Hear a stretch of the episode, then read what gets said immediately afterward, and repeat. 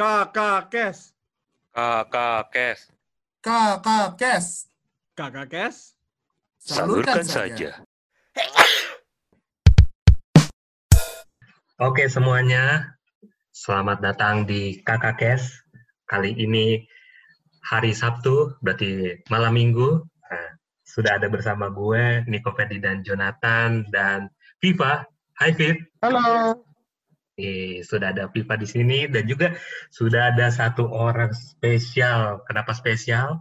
Karena hari ini atau kemarin ya sebenarnya dia sedang berulang Kemarin. tahun.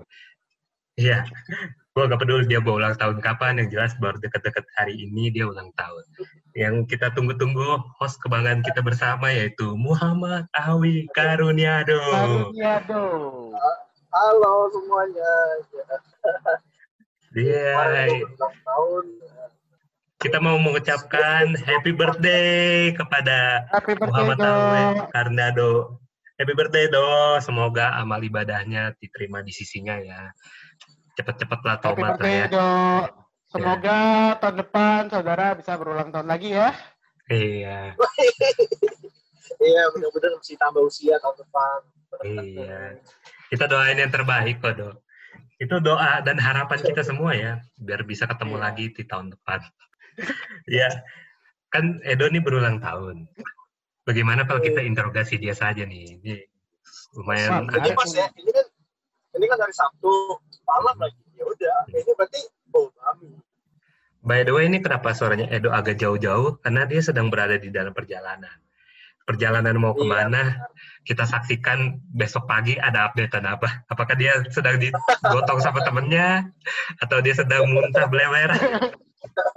Atau mungkin dia sober.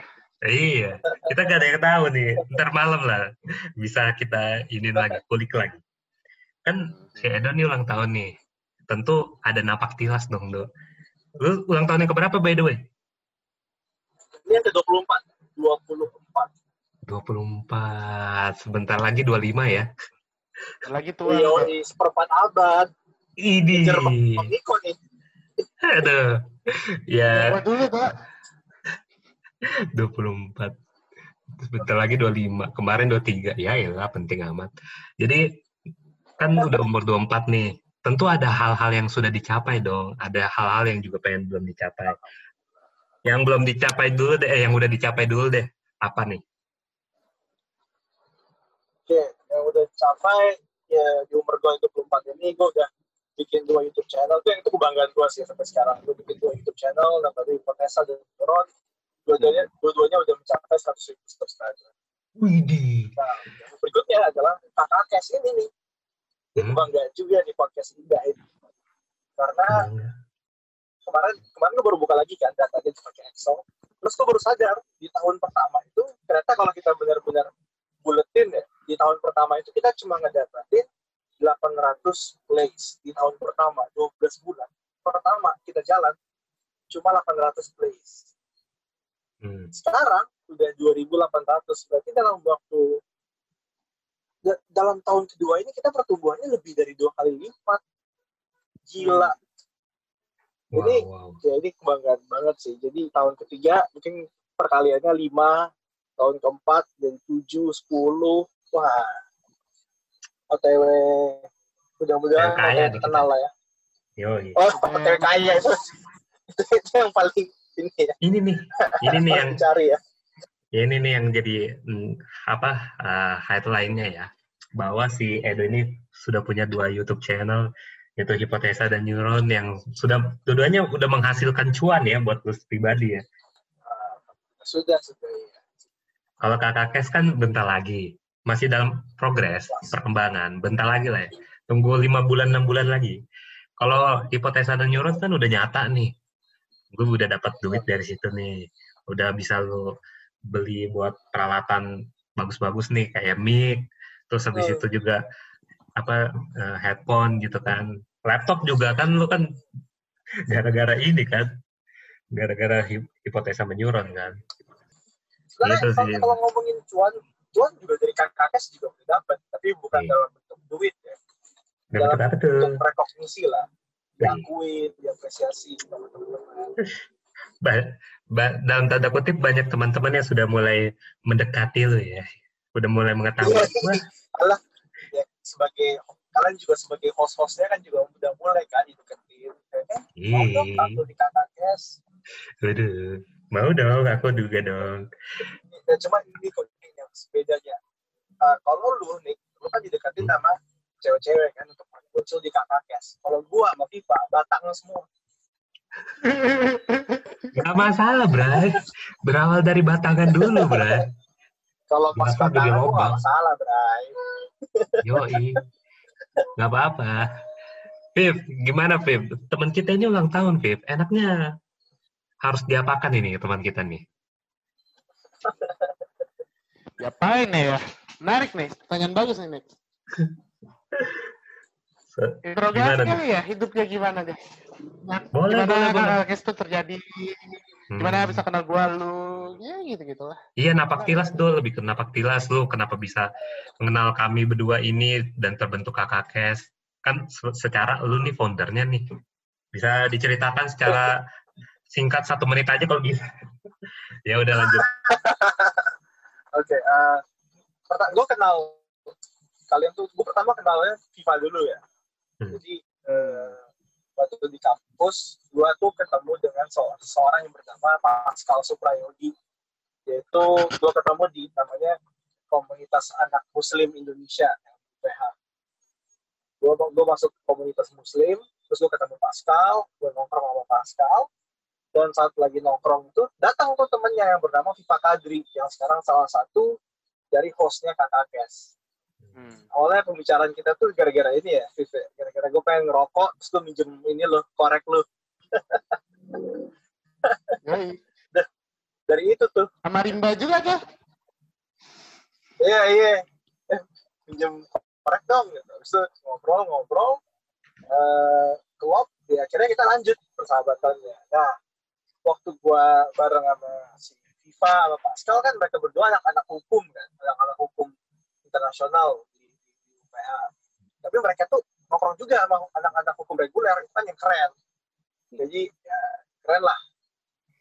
Nah di antara nongkrong-nongkrong itu gua ketemu tuh juru kunci hukum yang bernama Nico Ferdinand. Aduh.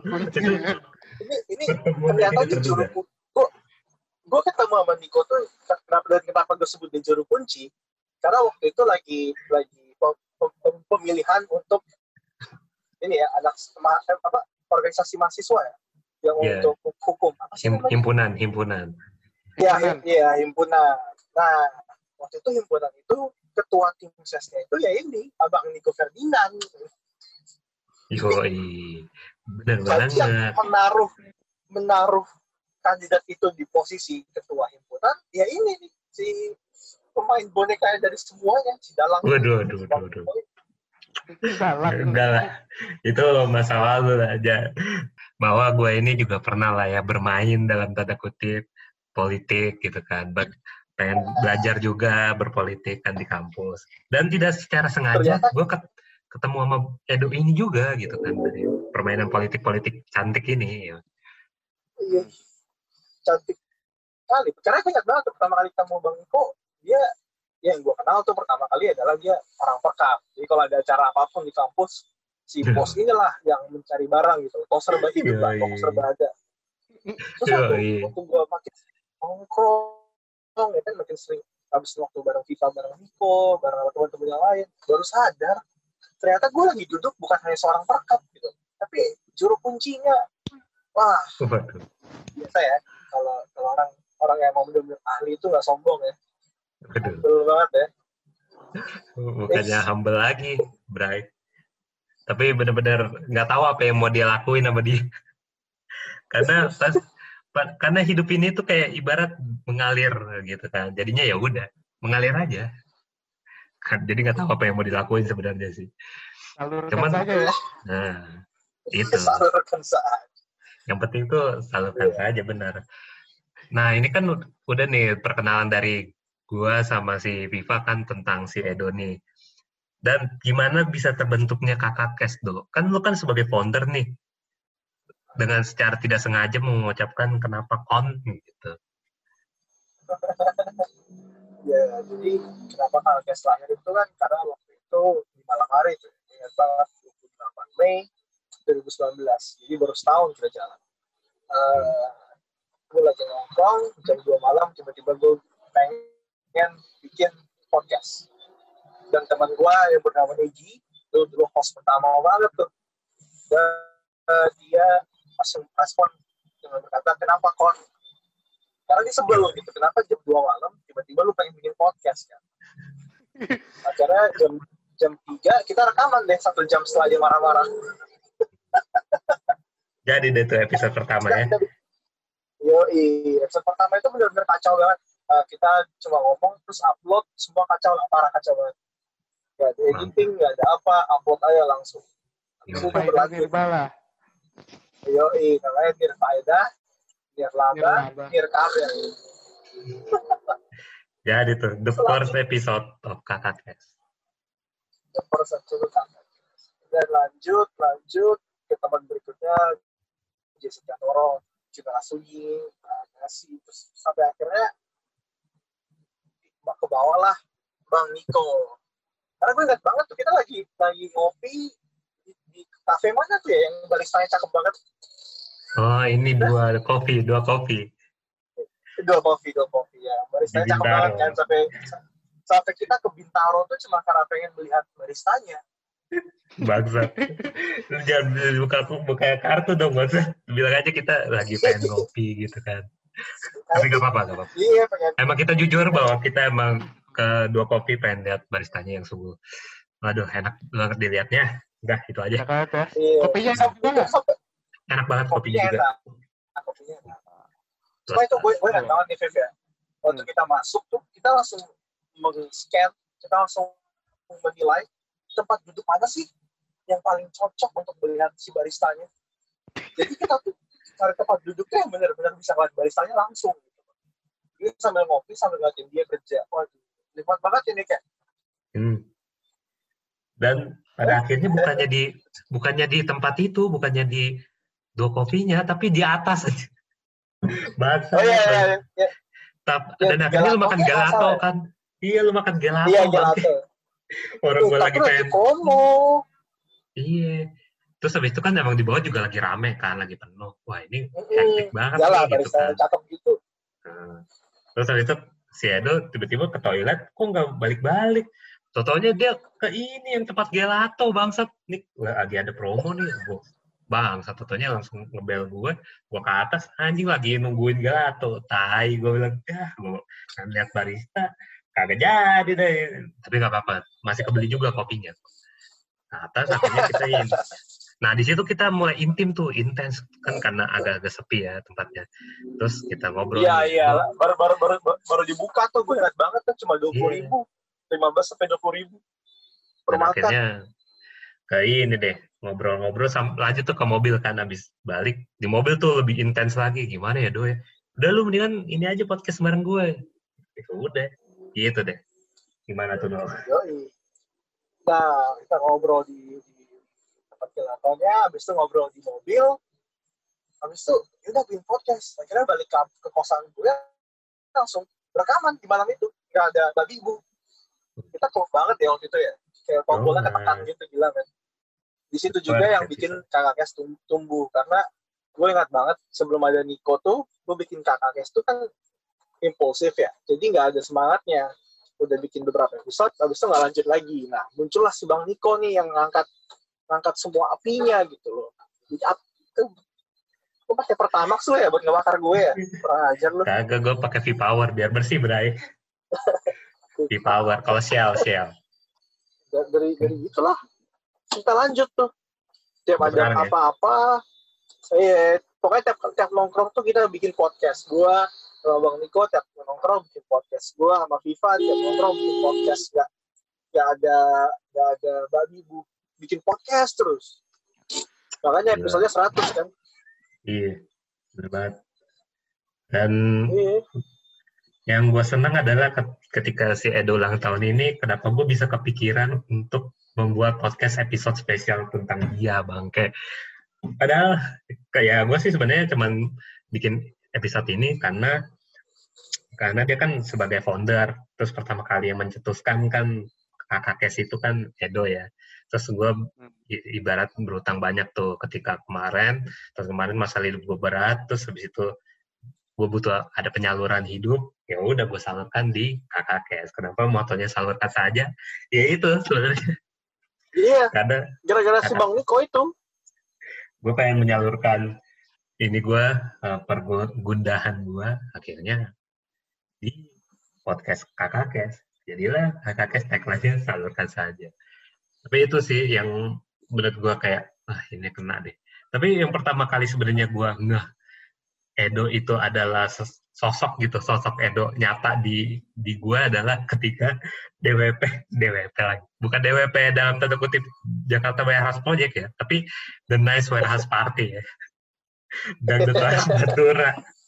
Dan Betuan Batura itu ketika gue lagi kita lagi semuanya lagi pada duduk min- minum cantik terus Edo balik balik pengen balik ke kamarnya tapi dia nabrak pintu terus jatuh itu gue berjata anjir ada dia di mana terus jatuhnya juga ngakak gitu sampai jukil balik bang Weh, kenapa lu anjing? Jadi kan udah gaco ya. Nah itu di situ pertama kali gue, tadi si anjing nih lucu juga nih anjing. Udah, ini kan dia bisa nih. Gue ajak, gue ajak kulik-kulik bisa nih dia nih anjing.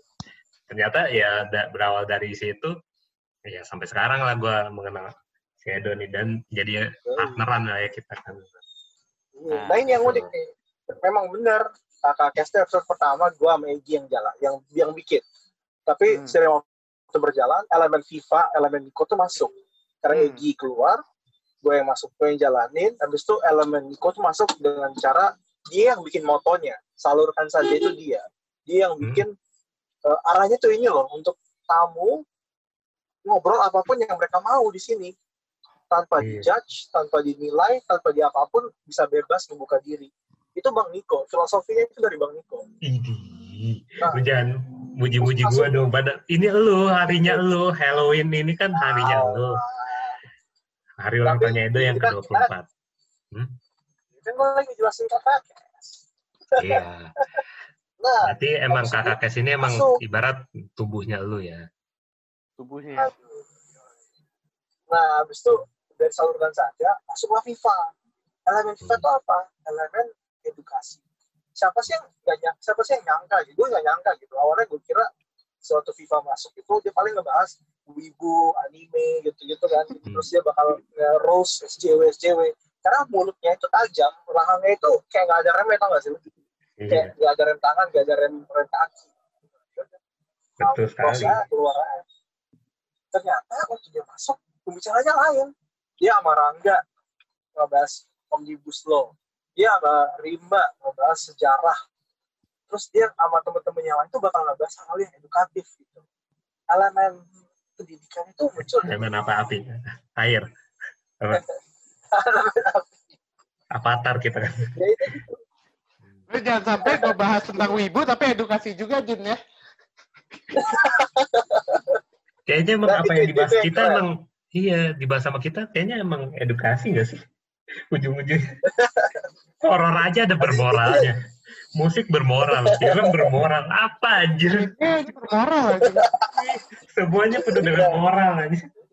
Edukasi itu kita nih, Bray.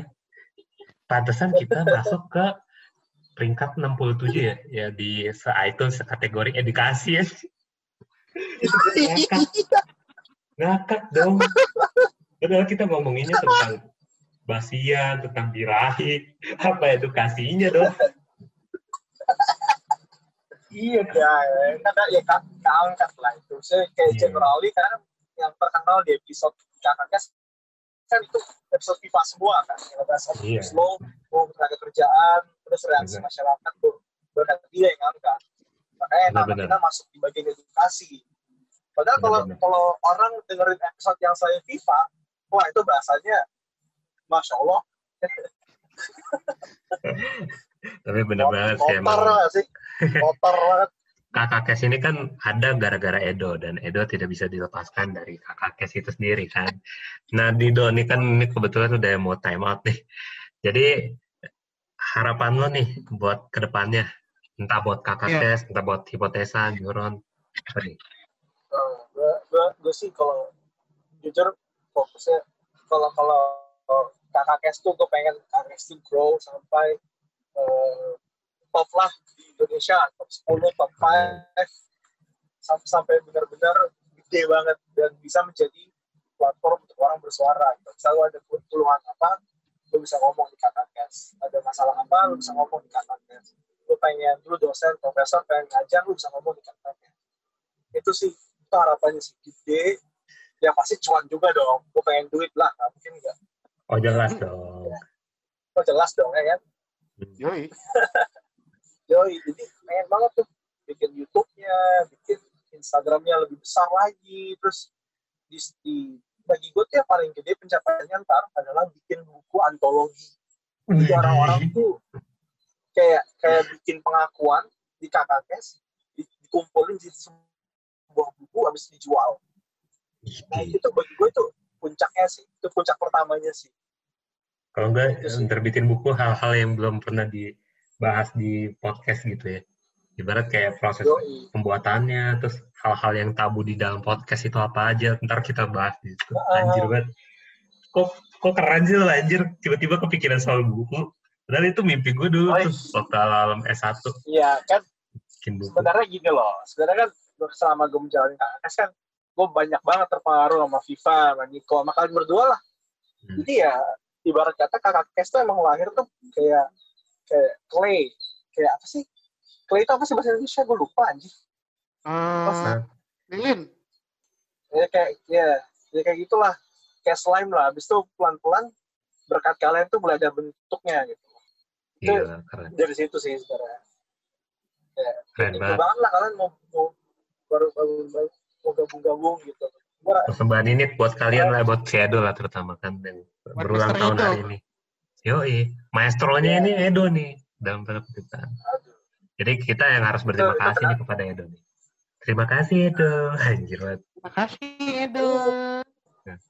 Ini kan juga emang eh, kebetulan spesial juga hari ini ulang tahun lo dan harapannya kan udah diceritain kakak ke sini bisa tumbuh gede gitu kan dan juga kehidupannya juga semakin meningkat gitu kan ya udah kayak kebukti sih semakin dikit ya walaupun nggak cepet gitu naiknya gue melihat kayak dari keseriusannya dia membangun podcast ataupun keseriusannya dia dalam kerjaan yang lain itu sudah mulai menghasilkan sedikit demi sedikit. Itu yang keren sih sudah ini juga. Dan gimana dok? Kita mau kebetulan lu ulang tahun dan juga lu sedang di jalan kita mau merayakan di mana nih? Waduh Merayakan aja sama temen lu doang dong. Sama kita juga dong. Iyalah. Iya, iyo iyo karena ya sambil kita ngerayain itu sambil kita taruh mic di tengah gitu kan. Yoi perayaan da- di tengahnya ada botol hijau botol bening botol putih. Betul kakek-kakek. Iya, orang tua. Ya sudah lah kita ntar ngomong apa juga nggak ada yang ngerti. yang, yang ngerti ba- bangsa jin. Bangsa jin. Ya, ma- Bangsa jin yang ngerti. tapi penting banget sih bahwa si Edo ini kan juga sudah 24 tahun hidup di dunia ini kan pasti juga dia dipakai Tuhan ya untuk menjadi sesuatu ya. Dan bener banget sudah terlihat bukti nyatanya dia sudah mulai eh, membuat wadah gitu buat kita menyalurkan apa aja yang yang kita pengen salurin gitu. Mulai dari hal yang penting apa yang nggak penting pun juga ya udah. Dan itu sih yang buat gue berkesan sekali perkenalan gue dengan Bung Edo ini. Gimana lu, Viv? Gitu, dia membuka oportunitas aja ke orang-orang di sekitarnya. Jadi itu gokil aja itu. Bener-bener. Ini kan kebetulan udah udah mau tamat lah ya. Berarti kita singkat aja. Sekali lagi selamat ulang tahun Bung Edo. Eh, semoga yang Tahun, terbaik Dok. yang terbaik diberikan ke lu gitu dalam ke next year juga kan.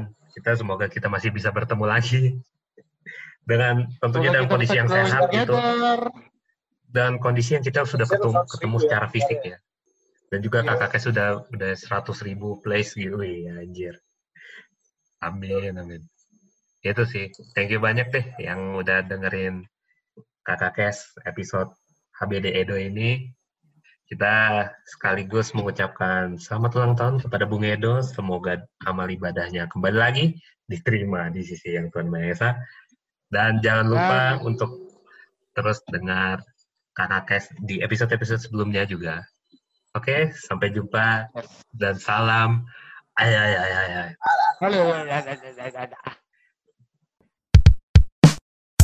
Kakak Kes. Salurkan saja.